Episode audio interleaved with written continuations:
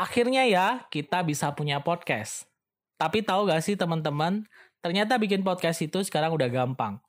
Kalian tinggal download Anchor di App Store dan Play Store kalian. Kalian bisa mulai record podcast episode pertama kalian langsung di aplikasi tersebut. Bahkan, kalian juga bisa edit podcast kalian langsung. Melalui Anchor Podcast, kamu akan didistribusikan ke podcast streaming platform seperti Spotify, Apple Podcast, dan lain-lain. Dan yang pasti, gratis. Yuk download aplikasi Anchor di App Store dan Play Store kalian atau kunjungi www.anchor.fm. Selamat bikin podcast.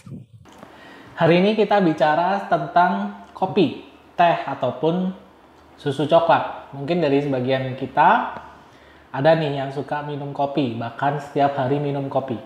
Seperti saya ini, kadang-kadang saya memerlukan kopi untuk meningkatkan konsentrasi, juga stamina. Terutama kalau misalkan pagi-pagi badan baru bangun tidur tuh kayaknya capek, saya sering juga minum kopi. Ini gimana kalau misalkan ibu hamil sebelum hamil sudah sering minum kopi, sudah kebiasaan minum kopi, atau mungkin teh. Lalu setelah hamil, apakah kebiasaan ini perlu dikurangi atau bagaimana? Sebenarnya bagaimana kadar uh, kopi yang aman yang, yang bisa dikonsumsi baik itu kopi atau teh saat sedang hamil?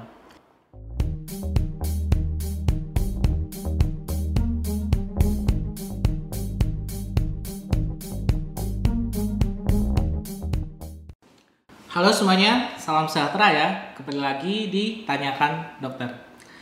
Hari ini saya akan membahas soal kopi, teh, ataupun minum-minuman yang lain yang mengandung kafein.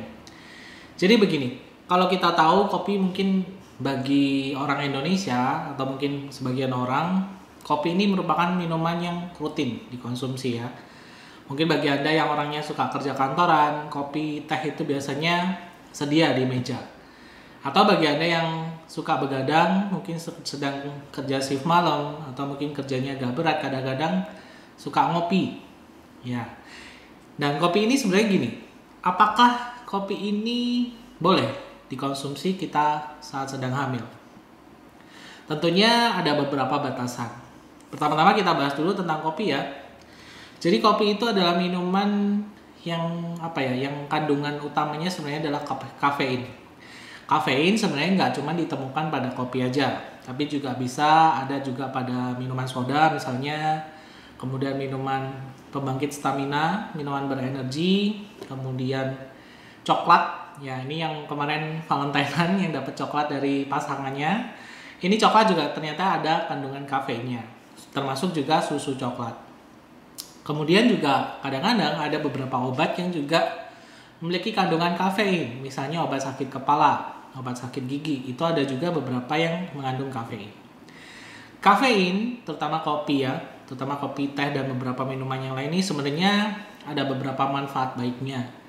Terutama kopi yang saya sampaikan tadi di awal, kadang-kadang kalau saya capek, konsentrasi saya menurun, saya ngantuk, saya sering minum kopi karena kopi manfaatnya bagus untuk menjaga stamina kita, meningkatkan konsentrasi, meningkatkan kerja saraf otak kita sehingga lebih terjaga, lebih konsen ya. Dan secara medis juga kopi ini dipercaya mencegah terjadinya penyakit seperti Alzheimer, pikun ya, seperti juga Parkinson. Itu juga bisa dicegah dengan konsumsi kopi, terutama yang mengandung kafein secara rutin.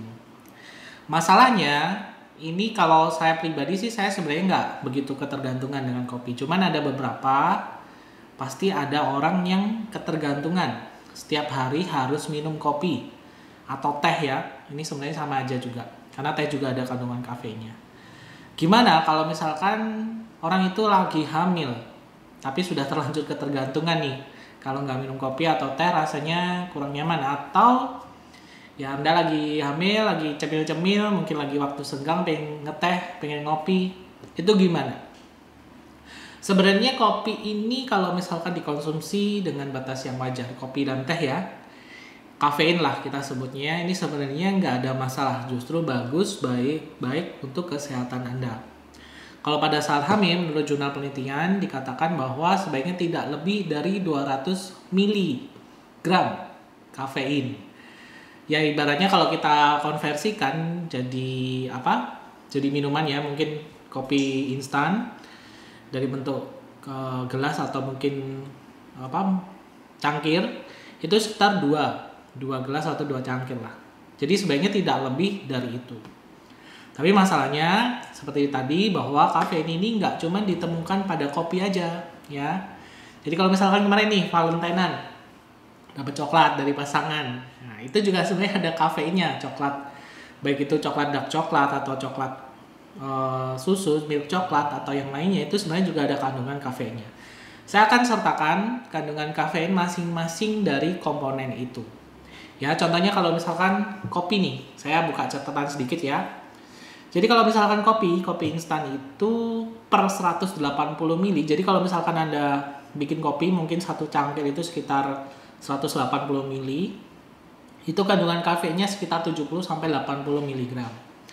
Artinya bahwa ya sehari jangan lebih dari dua cangkir ya. Karena kalau misalnya dua cangkir kan otomatis ya hampir mendekati 200 mg kafein otomatis itu juga nggak boleh karena batasannya tadi 200 ya dan juga teh teh ini misalnya teh instan ya teh celup atau teh serbu atau macem lah terserah. Itu juga per 180 ml kandungan kafeinnya sekitar 30 sampai 40 mg ya lebih rendah dari daripada kopi tapi ya tetap ada tetap aja masih ada kafeinnya. Artinya kalau 30 sampai 40 kalau minum teh sehari sewaktu hamil ya jangan lebih dari 4 cangkir lah. Maksimal 5, itu maksimal banget ya jangan sampai sebanyak itu juga. Akhirnya ya kita bisa punya podcast. Tapi tahu gak sih teman-teman, ternyata bikin podcast itu sekarang udah gampang. Kalian tinggal download Anchor di App Store dan Play Store kalian. Kalian bisa mulai record podcast episode pertama kalian langsung di aplikasi tersebut. Bahkan, kalian juga bisa edit podcast kalian langsung. Melalui Anchor Podcast, kamu akan didistribusikan ke podcast streaming platform seperti Spotify, Apple Podcast, dan lain-lain. Dan yang pasti, gratis. Yuk download aplikasi Anchor di App Store dan Play Store kalian atau kunjungi www.anchor.fm. Selamat bikin podcast. Kemudian coklat nih yang kemarin Valentinean. Nah, sebenarnya coklat ini juga mengandung sekitar 15 sampai 30 mg kafein. Ya kalau coklatnya tambah gede otomatis kandungan kafeinnya juga makin banyak. Termasuk juga susu coklat ya.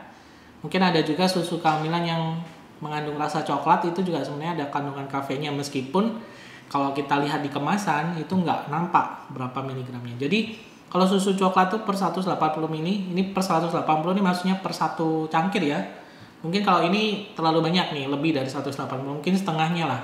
Itu 180 mili. Itu kalau susu coklat sekitar 5 sampai 8 mg. Kemudian kalau soda itu 30 sampai 40 mg per 180 mili. Masalahnya bahwa kadang-kadang di kemasan kopi kita itu atau kemasan minuman yang lainnya itu nggak tercantum jumlah kafeinnya. Jadi kan kadang-kadang kita bingung nih berapa nih sehari saya minum kafein. Padahal kan kalau kafein itu diakumulasikan seberapa Anda minum dalam per hari itu. Nggak cuma dari kopi, tapi juga bisa teh, coklat, bahkan yang lainnya.